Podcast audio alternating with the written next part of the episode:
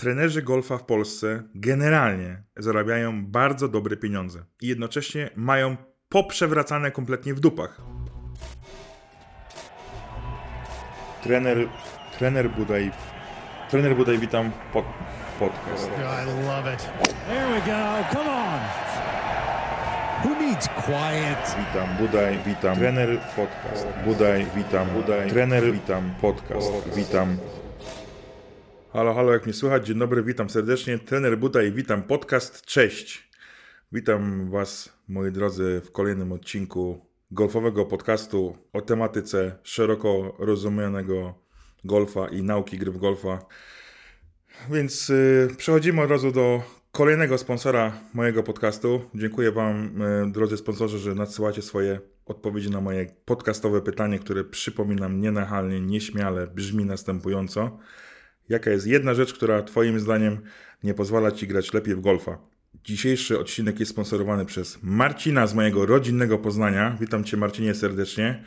Pozdrawiam Jerzycę, pozdrawiam moją mamę, kolegów z mojej podstawówki, Józefa Bema imienia. Moja szkoła się nazywała, później chodziłem do liceum numer 5 Klaudyny Potockiej, także wszystkich serdecznie pozdrawiam. Później przez pół roku chodziłem na Akademię Wychowania Fizycznego. To też ciekawa sytuacja i ciekawa historia. Na AWF-ie znalazłem się dlatego, że byłem wtedy wielokrotnym mistrzem Polski i wtedy miałem klasę mistrzowską.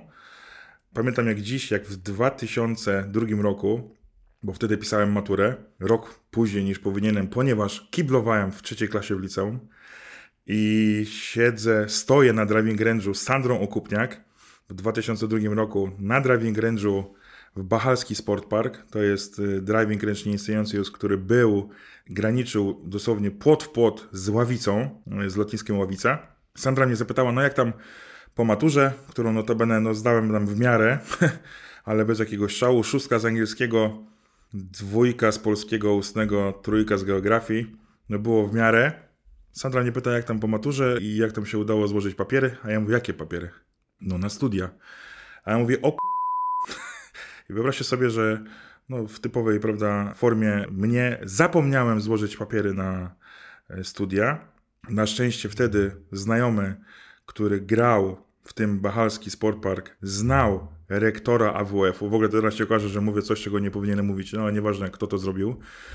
Ten ktoś zadzwonił do tego rektora AWF-u. Ja tam poszedłem z kwiatami i z flaszką, no i ten rektor tak naprawdę no, nie popełnił przestępstwa, bo ja miałem klasę mistrzowską, czyli nie musiałem mieć tych egzaminów, no ale że to było dwa tygodnie po zamknięciu listy, to troszeczkę był lekki przypał, no ale udało się. No i dostałem się na to na WF dzięki tej klasy mistrzowskiej, ale nie ukrywajmy, ja ze sportem poza golfem i tenisem nie miałem jakoś nigdy po drodze, mimo tego, że nie byłem jakimś paralitą, to na przykład pływanie sprawiało mi ogromny problem, bo ja najczęściej pływałem pieskiem. No i jak był egzamin, pierwszy taki mm, test, żeby zobaczyć, kto jak sobie pływa i sobie radzi w wodzie, to pamiętam, że prowadzący te zajęcia, no przede wszystkim najpierw był dosyć mocno zaskoczony, że mój czas był dwa razy dłuższy od najgorszego studenta w tej grupie. No i później mi się przyznał, że zastanawiał się, co on ma zrobić, jak widział, jak pływam, bo miał dwie opcje. Powiedział, że albo się będzie dalej śmiał, albo chciał mnie zacząć ratować. No teraz mi to bawi, wtedy to było uwłaczające, deprymujące i poniżające, no ale taka była prawda. Prawda również była taka, że ja nie chciałem być na tych studiach, ja w ogóle nie chciałem się uczyć nigdy niczego poza golfem. Więc po pół roku, po przejściu już nawet na zajęcia e, zaoczne, gdzie zajęcia były co dwa tygodnie, stwierdziłem, że to nie jest dla mnie. Zawinąłem manatki, wyjechałem do Anglii i pracowałem w Moor Park Golf Club w, pod Londynem na polu, gdzie serwowałem herbatę o 5 o'clock starszym panom i paniom na takim polu, gdzie były dwie osiemnastki. To jest najbardziej znany clubhouse poza tym St. Andrews. Zobaczcie sobie, Moor Park Golf Club, M-O-O-R. To jest z XVI wieku budynek, pałac, który został zaadoptowany pod, pod dom klubowy. Obok były mieszkania dla pracowników, ja tam właśnie mieszkałem i, i grałem również na tym polu. A mówiłem to wszystko dlatego, że co? Że szkoła, że Poznań, że szkoła, że pozdrawiam wszystkich znajomych ze, z moich szkół. No dobrze. Marcin z Poznania jest sponsorem dzisiejszego odcinka. Co pisze Marcin? Brak zaangażowania trenera w czasie zajęć, przez co moje postępy są wolniejsze. Mój trener albo siedzi na telefonie, albo wita się z innymi podopiecznymi, ucinając sobie pogawędki, albo co gorsza, obserwuję tylko co drugi mój strzał. Jak u ciebie wygląda trening? Pozdrawiam, Marcin. No i teraz odkładam telefon. Teraz yy, chciałbym powiedzieć to, co oczywiście no, jest oczywiste, jeżeli to jest mój podcast, że to, co teraz mówię, to jest tylko i wyłącznie moja subiektywna opinia, która nie ma na celu uderzania personalnego w jakiegokolwiek trenera czy trenerkę z Polski. Jednak dzieląc się moją obserwacją z 17 lat, moim doświadczeniem i własnymi swoimi błędami w trakcie prowadzenia zajęć, muszę to powiedzieć. I oczywiście, jak to się mówi, uderz w stół, a nożyce się e, odezwą, czy jak to się mówi. I jestem przekonany, że wielu trenerów albo trenerek będzie urażonych, ale warto, żeby się może zastanowić nad tym, co ja mówię. Pamiętajcie, że e, hejtuję tylko e, bieda mentalna. Ja nie jestem hejterem. Ja mam nadzieję, że wy tego też nie odbierzecie jako hejt, ale trzeba to powiedzieć, więc zaczynam. Moje zdanie jest takie. Trenerzy golfa w Polsce generalnie, uogólniam oczywiście, ale generalnie zarabiają bardzo dobre pieniądze. Niektórzy pracują na kontraktach, niektórzy są freelancerami, tak jak ja. Niektórzy muszą odpalać coś do klubu za każdy trening, niektórzy muszą zapłacić za piłki, tak jak ja swoim uczniom, które tanie nie są. Niektórzy wnoszą do klubu bardzo dużo poprzez to, że właśnie osoby na zieloną kartę zostają członkami klubu, kupują w restauracji obiady, kupują w kawiarni pyszne kawy, ciastka i Coca-Colę głównie którą ja piję, prawda, i pozdrawiam serdecznie i później mam duże rachunki na koniec miesiąca, sobie nie królewskie for life. Zarabiają duże pieniądze i dużo wnoszą i jednocześnie mają poprzewracane kompletnie w dupach. Moim zdaniem. Dlaczego? Dlatego, że to, co napisał do mnie Marcin, to nie jest żadna, e, żadna rzecz, która jest jakąś jednostką. Ja to widzę notorycznie. Ja to widzę i w Sobieniach Królewskich, i również słyszę to od innych moich znajomych ludzi, uczniów, którzy przyjeżdżają do mnie z Krakowa, z Gdańska, z Poznania, z Katowic, przylatują do mnie z zagranicy. I to, co ja teraz mówię, to nie jest tylko moja obserwacja, tylko to jest feedback, informacja zwrotna, którą dostaję na bieżąco od moich świeżo upieczonych podopiecznych, uczniów, studentów, którzy szukając innego rozwiązania trafili do mnie przez internet, no bo tam YouTube, bo newsletter, bo książka i mówią to, co powiedział Marcin, że trenerzy są niezaangażowani w czasie prowadzenia zajęć. PGA oznacza Professional Golfers Association. Teraz professional to znaczy profesjonalny. Jeżeli profesjonalny, to znaczy, że jak ktoś bierze 150, 200, 250 czy 100 zł, czy nawet 50 zł za godzinę, jest za 45 minut, to nie może być tak, że on ten robi tobie łachę, że on spojrzy na, na twój każdy strzał. Naszym zasranym obowiązkiem jest dawać informację zwrotną co jeden, co dwa, co trzy, co cztery strzały, naszym zasranym obowiązkiem jest dać uczniowi to, po co do nas przyszedł. A uczeń do nas przyszedł z problemem, który my mamy rozwiązać. Czy to za pomocą pakietu godzin, czy to za pomocą wyjścia na pole i zrobienia assessmentu na, na polu, czy to za pomocą zrobienia analizy swingu z wykorzystaniem kamery slow motion i trackmana. Naszym zasranym obowiązkiem jest dać temu komuś coś, co spowoduje, że jak pójdzie do chaty, to będzie wchodząc do samochodu był w pełni przeświadczony i zadowolony, że on wie, co ma robić na tego zasranego swojego slice'a, co ma zrobić, żeby przestał grać te fatalne topy i żabki, które go tak wkurwiają, że on już ma dość tego golfa i chodzi od trenera do trenera. Każdy mu mówi, żeby trzymał głowę, jakieś kolejne inne stek bzdur, tylko dlatego, że trenerzy moim zdaniem traktują tych ludzi jak debili, no bo w końcu przecież to oni wiedzą lepiej, więc trzeba powiedzieć byle coś, trzeba się parę razy uśmiechnąć, trzeba przede wszystkim pokazać, jaki ma się wspaniały swing i zademonstrować to, jak piłka leci u prawdziwego zawodowca, jakby to miało cokolwiek kurwa wpłynąć na wynik ucznia, który stoi przed tobą i on nie może piłkę trafić, a ty się brędzlujesz, że zagrałeś teraz wysokie draw siódemką na 170 metrów i uwielbiasz jak ci uczeń klaszcze na, na, w trakcie treningu, no to jest żenada. To jest kurwa żenada. Trener, trener Budaj, trener Budaj, witam pod, podcast. I love it. Więc ja powiem, jak wyglądać powinien trening u każdego kolegi po fachu. Przychodzi uczeń na lekcję, mówi: Dzień dobry, Jan Kowalski, gram golfa 6 lat. od dwóch lat nie złamałem 105, marzy mi się handicap 24. Z tego co widzę, największy problem mam z żelazami, bo piłka leci mi siódemką raz na 70, raz na 120 metrów. Driverem gram 170-200 metrów, ale często w prawo w krzaki. No to już w ogóle jest bardzo świadomy golfista, że jeżeli zrobi taki wywód. I ja chcę, żebyś ty mi pomógł, trenerze, zwiększyć powtarzalność uderzeń yy, żelazem, wyprostować trochę drivera. Patowanie i krótką w miarę ogarniam. Okej, okay. no i ty przez tą godzinę nie jesteś w stanie zmienić nic. Też się nie oszukujmy, teraz mówię to w drugą stronę do wszystkich Marcinów z Poznania i tak dalej. To jest nauka umiejętności motorycznych, więc nie ma opcji, żeby nagle w 45 minut zmienić twojego slice'a, którego robisz od 3 lat, ponieważ to jest tak mocno zakorzenione w twoim golfowym DNA, że żeby zapisać od nowa już zapisaną kartę w twoim mózgu, potrzeba tysięcy powtórzeń. I teraz znowuż to jest już kolejny odcinek na podcast, czego oczekiwać w ogóle od takiego spotkania z trenerem.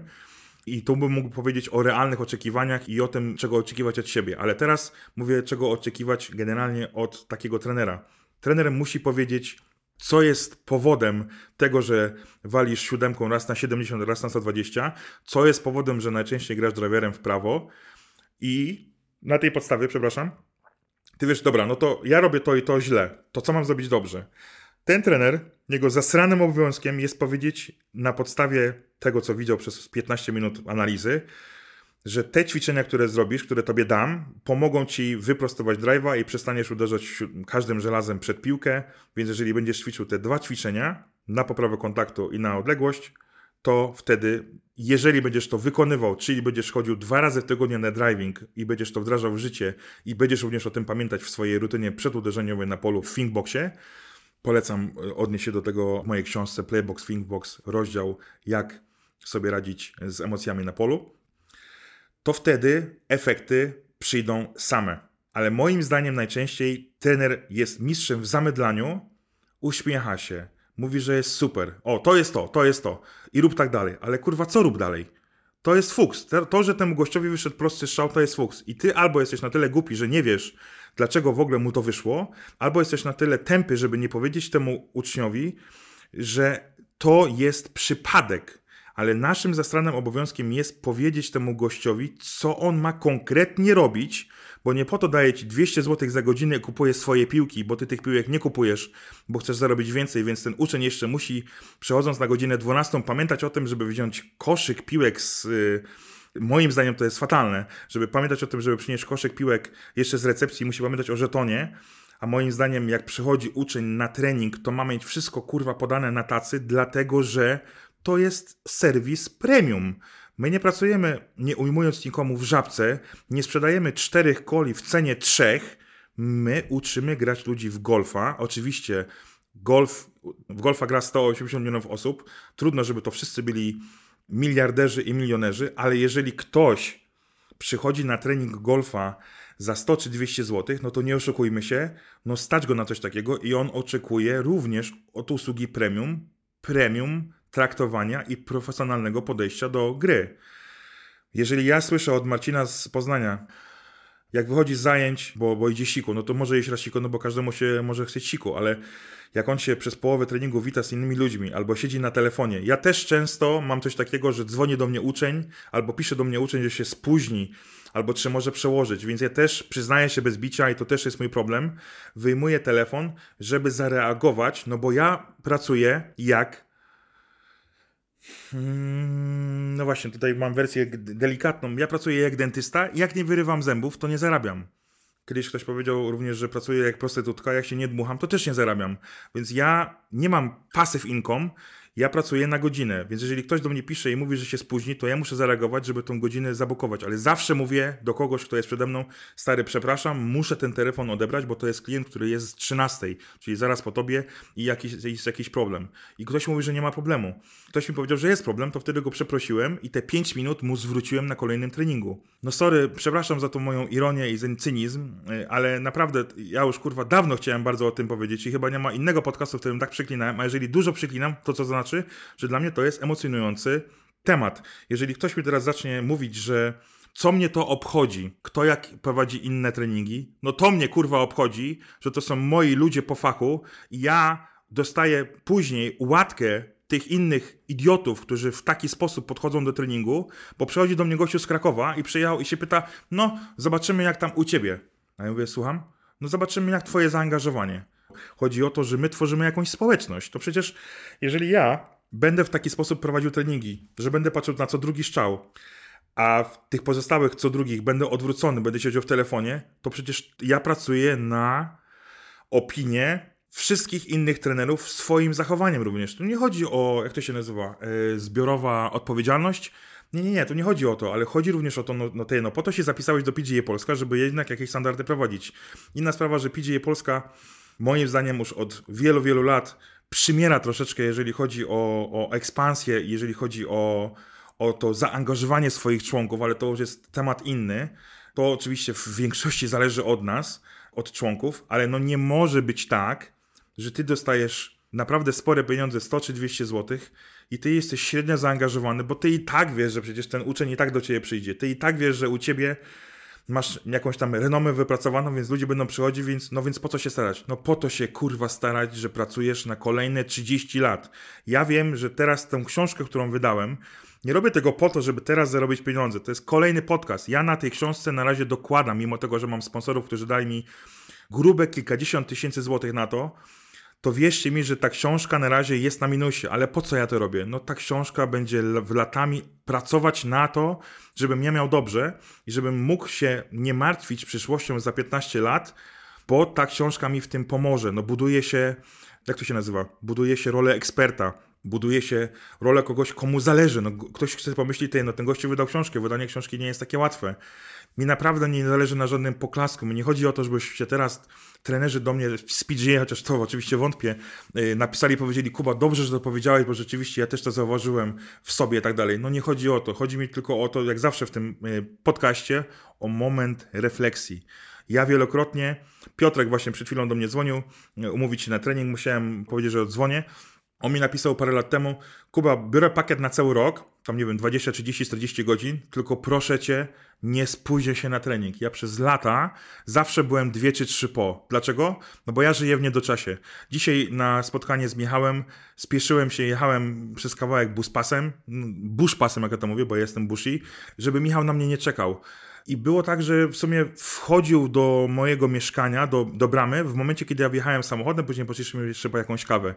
Ja żyję na całym niedoczasie. Dlaczego? No bo nie wiem, bo lubię ten dreszczyk emocji. Może dlatego, yy, nie wiem dlaczego, w każdym razie no, mam niedoczas i staram się to w sobie zmienić i obiecuję sobie, że zawsze będę 15 minut przed pierwszym treningiem. To mi pozwoli wejść w taki fajny rytm. Wjeżdżam do Sebieni, idę na tą kawę, piję tą kawę, gadam z dziewczynami z recepcji, witam się z kim, kto tam jest na miejscu i się z nimi witam, zamieniam parę słów i mam taki fajny, miękki flow i wchodzę w, ten, w ten pierwszy trening na takim spokoju, ten ktoś przyjeżdża, ja się witam z tym kimś wychodząc z tego klubu, to też robi fajne wrażenie, a nie, że ja zapierdalam z, z tego parkingu po to, żeby, e, żeby ten ktoś zobaczył, że jestem na czas. Oczywiście zawsze się że może spóźnić, ale od momentu, kiedy Piotrek mi o tym powiedział, po pierwsze staram się być na czas, a po drugie, nawet jak wiem, że będę 5 po, to piszę SMS-a, ale nie o 10, że będę 5 po 10, tylko piszę o wpół do 10, bo przecież Google Maps pokazuje mi, o której będę w Sobieniach i daje mu informację, bo uważam, że warto. Nie wiem, ile już gadam na ten temat. W każdym razie czuję, jak mam wysoko w ogóle tutaj w przyłyku, jakby to powiedzieć, serce, bo naprawdę no jest mi to bardzo, bardzo bliski e, temat. I chcę, żeby ludzie myśleli o trenerach golfa nie jako o rozbestwionych jakichś e, cwaniakach, którzy po prostu robią łaskę, że za takie grube pieniądze ewentualnie powiedzą jedną czy dwie rzeczy. My mamy dawać rozwiązanie na problem, z którym przychodzi do nas uczeń. Nie wiem, jakie to jest problem, bo problemów jest tysiąc.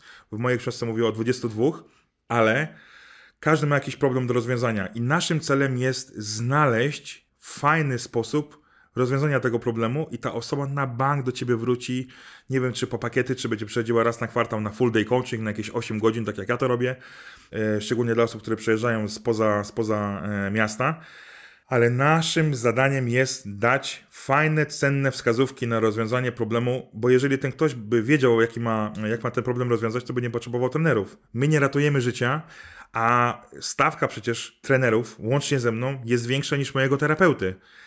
Teraz ktoś powie, no to dlaczego ty tak dużo kasujesz? No ja już mogę powiedzieć, dlaczego dużo kasuję, bo uważam, że mój trening jest tyle wart i uważam, że biorąc pod uwagę, co mogę wnieść w dawaniu rozwiązania na twój problem, to cena jest adekwatna do jakości, do sposobu przekazu, do zaangażowania, do wiedzy z 17 lat, do wiedzy teoretycznej, prawda, i praktycznej jako y, trenera, do wiedzy gracza i doświadczenia, bo sam wiem, co boli i jak boli y, zmiana, powiedzmy, czegoś w swingu, y, więc to dlatego. Często jest tak, że, że zastanawiam się, jak będzie wyglądał ten rynek za 5 lat, za 10 lat, za, za 20 patrząc na to, co się dzieje teraz w Polsce, to ten przyrost tenerów jest rzeczywiście jest spory, bo chociażby w takim Poznaniu słyszałem, że tam już na, na jednym polu jest czterech czy pięciu trenerów. W Sobieniach też jest wielu, wielu trenerów. Są pola, na których jest tych trenerów sporo. Więc ja uważam, że im będzie nas więcej, tym ta jakość się zwiększy, bo będziesz musiał dbać bardziej o klienta, bo ten klient będzie miał bardzo duży wybór. No więc tak, to jest chyba koniec tego mojego jakże ekspresyjnego pocisku. Chociaż może bym powiedział jeszcze jedną rzecz. Często jest też tak, że osoby, które do mnie przychodzą i mówią o tych sytuacjach, w których miało miejsce to takie dziwne, moim zdaniem skandaliczne zachowanie kolegów po fachu, to ja często pytam, no i jaka była reakcja trenera, jak zwróciłeś mu uwagę? I wtedy zapada cisza, i wtedy ludzie mówią, no ja nic nie powiedziałem. A ja mówię, no ale dlaczego nie powiedziałeś? To jest tak, że ty przychodzisz do kogoś na trening, płacisz komuś pieniądze, nie dostajesz tego, co wiesz, że powinieneś, co powinieneś oczekiwać, i tego nie dostajesz, i ty, i ty się na to godzisz. No a ci ludzie mówią, że, że im głupio. No i teraz tutaj troszeczkę wchodzimy w psychologię. Ja mam coś takiego, co zresztą chyba nie trudno się domyśleć, że ja mówię pewnie czasem często, więcej niż powinienem i mówię za szybko to, co myślę, zgadza się, ale u mnie jest gra w otwarte karty, u mnie nie ma niedomówień. Jak na przykład ostatnio miałem taki case, że czekałem za długo na zamówienie kijów, to piszę do tego dostawcy, no ile można czekać na kije, jak to jest, że jak czekam na swoje kije, to dostaję je po dwóch miesiącach, a klient, który za te kije płaci, zostaje je po trzech tygodniach. No trzeba to jasno wyartykułować, bo co też jest istotne, ci trenerzy są bezkarni, bo wiedzą, że wy i tak nic nie powiecie. No to to jest tak, jakby pojechać na wakacje all inclusive do Turcji, zapłacić 1200 euro, do hotelu pięciogwiazdkowego, lądujesz na miejscu, a tam jest hotel trzygwiazdkowy i tam jest tylko siadanie. No to chyba idziesz do recepcji, czy, czy do tego tour operatora i mówisz mu, no halo, to nie jest to, na co się umawialiśmy. A ty, ty się nie musisz werbalnie umawiać z trenerem na coś, bo ty wiesz, czego ty oczekujesz. No idziesz do trenera po to, żeby się poprawić. W taki czy inny sposób. Więc prośba ogromna do was, żebyście mówili tym ludziom, że czuje się z tym nie w porządku, że siedzisz cały czas w telefonie, jest mi z tym niefajnie, że spóźniasz się na trening. Nie rozumiem, jak to jest, że robimy trzeci tydzień ćwiczenia na slice'a, a ty mi tylko mówisz tak, dobrze, nie, lakoniczne wypowiedzi, zero konkretów. Mówisz o jakimś uczuciu w prawym barku, ale ja tego nie czuję, daj mi coś innego. No słuchajcie, jeżeli trenerzy też nie będą was słyszeć, to im się wydaje, że wszystko jest w porządku. Ja nie ukrywam, bardziej bym liczył na autorefleksję trenera, który robi słaby trening i wie, że nie może siedzieć cały czas na telefonie, na Instagramie albo odpisywać do dziewczyny. To nie trzeba robić tego teraz na bieżąco, a jak coś jest pilnego, to się dzwoni, nie? Jak, jak się dzwoni, to się powie, przepraszam, ale jest pilna sprawa, moja córka się teraz mm, źle czuje, muszę po nią pojechać do przedszkola, odpukać oczywiście, jak zwał, tak zwał. Nie bójcie się, amatorzy, zawodnicy, powiedzieć, co was boli to jest trudne, ja wiem o tym. No, dla mnie nie jest, bo uważam, że to jest obligatoryjne, żeby powiedzieć o swoich emocjach i tych fajnych, i tych niefajnych. To samo jest w związku, nie? Zaraz ktoś powie, o Boże, ale on pierdoli. No słuchajcie, ja za często mówię mojej Oli, którą kocham nad życie, że coś mi się nie podoba. I staram się mówić to w taki sposób, żeby ona to przyjęła. Ale moja Ola na przykład, dostanę teraz Bęcki, Ola nie mówi, co ją boli, więc ja muszę zadać 20 pytań pomocniczych, z którymi nie mam problemu, żeby wyjąć od niej to, co w niej siedzi. Rozumiem, że większość trenerów, że, że, większość osób, którzy chodzą do trenerów, nie ma ochoty, ani nie poczuwa się, nie, nie są na tyle silni, żeby, żeby mówić oficjalnie, co ich boli, no ale jeżeli nie powiesz, co cię boli, to ten trener myśli, że wszystko jest w porządku. No więc mówcie, co was boli, mówcie, z czym się czujecie niefajnie, mówcie, co jest według was nie fair i nie na tym powinien wyglądać trening, a wtedy jestem przekonany, że trenerzy mówią o tej rzeczywiście, kurna, ja cztery razy odebrałem telefon w trakcie godziny i trzy razy przywitałem się z trzema osobami, które przyszły na driving I przy okazji umówiłem się z, w trakcie prowadzenia tego treningu na te zajęcia z tymi trzema osobami, z którymi się przywitałem. No i mam zabukowany, zabukowaną niedzielę, a już się bałem, że ta niedziela będzie pusta. No przecież możesz do tych ludzi oddzwonić później, możesz do nich podejść później. Pamiętaj, że ja to traktuję tak. Stówę za godzinę, czyli minuta kosztuje plus minus złoty 65 chyba, tak? Złoty 66. No to jak 5 minut z kimś gadasz, albo niech będzie 10, to to jest 16 zł. Czyli można powiedzieć, że ty te 16 zł po prostu sobie wziąłeś za damkę i ty się nie poczuwasz, żeby je odpracować. No moim zdaniem to jest nie w porządku. No my pracujemy za godzinę, no. My nie pracujemy za projekt. Kiedyś miałem coś takiego, że myślałem sobie, że zacznę skasować ludzi za to, a że rozwiążę ich problem. Przychodzi do mnie ziomek, chce grać driverem 20 metrów dalej. Do momentu, kiedy go nie tego problemu nie rozwiążę, nie kasuję go, ale na koniec biorę od niego 4000. Myślałem o tym, ale niestety tutaj problem jest taki, że nie jestem w stanie wyegzekwować od ludzi tego, czego od nich oczekuję, więc niestety nie mogę brać pełnej odpowiedzialności za ich progres, ale częściowy biorę i do tego się obliguję i gwarantuję, jeżeli będziesz robić to, co ci mówię, to przyjdzie efekt, przyjdą e, sukcesy, o których sobie wspólnie gadaliśmy i sobie wymarzymy tylko trzeba to robić. A niestety prawda jest też taka, że ludzie nie trenują. To chyba mówiłem w innym podcastie, to będę mówił w kolejnych podcastach. Ludzie nie trenują, ludzie oczekują magii, jeżeli przyjdą na jeden trening. Mam takiego kolegę, który do mnie przyszedł powiedział, no Kuba, mam tutaj teraz 45 minut wolnego, bo się kolega spóźnia slajdu. Słuchaj, może rzucić busiakiem na mojego drive'a, masz tutaj, e, masz tutaj stówkę, i, i spójrz. A ja mówię, wiesz co, stary, to ty weź sobie tą stówkę, idź sobie na kawę i zjedz obiad, bo przez te 45 minut z takim podejściem, to my nic nie zrobimy, bo to był gościu, który grał w golfa od tam 15 lat i on myślał, że ja teraz mu powiem jakąś jedną magiczną rzecz, bo ludzie myślą, że jak powie się jedną, usłyszę jedną magiczną rzecz, to, to nagle ta piłka zacznie lecieć prościej. To jest kolejny odcinek na jakiś podcast a propos właśnie tych oczekiwań. No więc powiedziałem mu, że to nie ma sensu, bo też uczeń musi być gotowy do poświęcenia, do wyjścia swojego comfort zone'u i tak dalej, i tak dalej. Ale ja tylko proszę bardzo z całego serca wszystkich moich kolegów i koleżanki po fachu, żeby wyszły, wyszły swojego comfort zone'u, żeby nie słyszały w moich słowach jakichś pocisków, bo tutaj przecież żadne personalne nie padły, ja mówię ogólnie, zastanawiały się, co ja mogę zrobić, żeby być lepszym trenerem niż byłem wczoraj. Co ja mogę zrobić, żeby być lepszym w dawaniu tego serwisu treningu od moich kolegów po z klubu. No i każdy wtedy się zastanowi i zobaczy, no ten robi to, ten robi tamto, ten jest tym dobry, ten jest tym dobry, a w czym ja jestem słaby. I, i trzeba nad tym popracować, no po prostu, no. Koniec tematu. Dzięki bardzo, pozdrawiam, do zobaczenia, na razie, cześć. Trener, trener Budaj, trener Budaj, witam, podcast. Witam, witam. Trener Budaj, witam, podcast.